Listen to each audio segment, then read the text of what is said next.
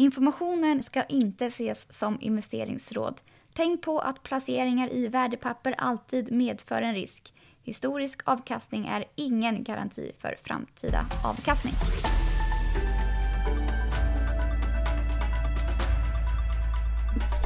God morgon från Paretodesken den 7 september. Idag ska vi prata skogssektorn med analytiker Axel Persson. Men vi börjar i USA där S&P 500 stängde på minus i fredags. Även om eh, indexet återhämtade sig något under fredagen. Vi fick i fredags amerikanska jobbsiffror. Antalet sysselsatta steg med 1,37 miljoner personer och arbetslösheten sjönk till 8,4 procent från 10,2 procent i juli. Idag får dock eh, börserna i USA vila för det är eh, Labour Day och helgstängt. I Asien handlas Nikkei och Shanghai ned nu under morgonen medan HSI handlas upp och vi har fått handelsdata tidigt i morse från Kina. Exporten var starkare men eh, importen var svagare för augusti. I Europa så hårdnar tonläget i Brexit-förhandlingen, skriver Financial Times. Men det ser, även, det ser trots detta ut att bli en positiv öppning för börserna i Europa. Och även här i Sverige så väntas Stockholmsbörsen öppna upp positivt. Och på Pareto så har vi på morgonmötet fokuserat på skogssektorn. Axel Persson, du har släppt en sektoruppdatering idag. Precis. Ehm, så vi släppte idag en sektoruppdatering på skogsbolagen. Mm.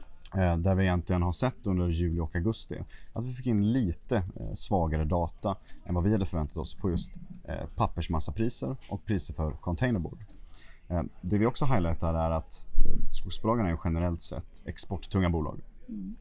Så det är bolag som har en majoritet av sin försäljning antingen i euro eller i dollar. Och de svenska skogsbolagen har ju också en stor del av sin kostnadsbas i SEK. Så detta gör ju såklart att de blir ju känsliga för en förstärkt krona. Eh, som vi nu har sett under sommaren. Och hur går det för massapriserna? Men massapriserna ser ändå bra ut. Mm. Eh, vi såg att Södra annonserade en höjning från och med oktober. Eh, men som sagt, massapriserna var något lägre än vad vi hade förväntat oss. Och du tar ju ner estimaten på de flesta av bolagen. Mm, precis. Varför det? Ja, men det just, ligger till grund för att vi har uppdaterat våra eh, massapriser, våra containerboardpriser främst. Mm. Eh, men vi har också gjort en uppdatering på våra FX-antaganden. Då. Och detta relaterar ju såklart till den eh, senaste kronförstärkningen. Mm. Men däremot så är du positiv till Stora Enso. Precis. Vad är det vår... de gör som de andra skogsbolagen inte gör? Det är vår topic i sektorn och mm. Stora Enso är intressant på flera sätt. Um, caset har ju flera intressanta triggers på medel och lång sikt.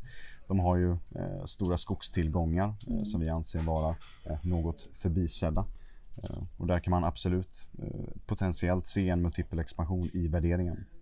Och jag vet att du gillar kartong. Har Stora Enso stor ja, kartongexponering? Ja, men det har de absolut. Mm. Och det är liksom exempelvis till skillnad från SCA så har man just den här kartongexponeringen och skog. Så det är det som vi gillar i, i kombination då.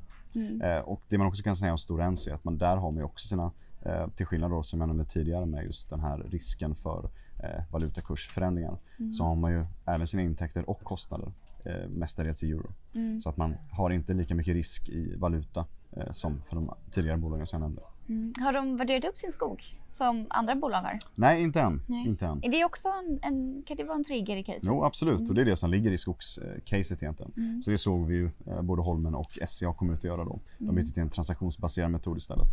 Mm. Eh, men det har inte eh, Stora Enso gjort ännu. Mm. Spännande. En liten eh, uppdatering av skogssektorn alltså. Vi är tillbaka igen imorgon. Ha en trevlig måndag. Tack så mycket.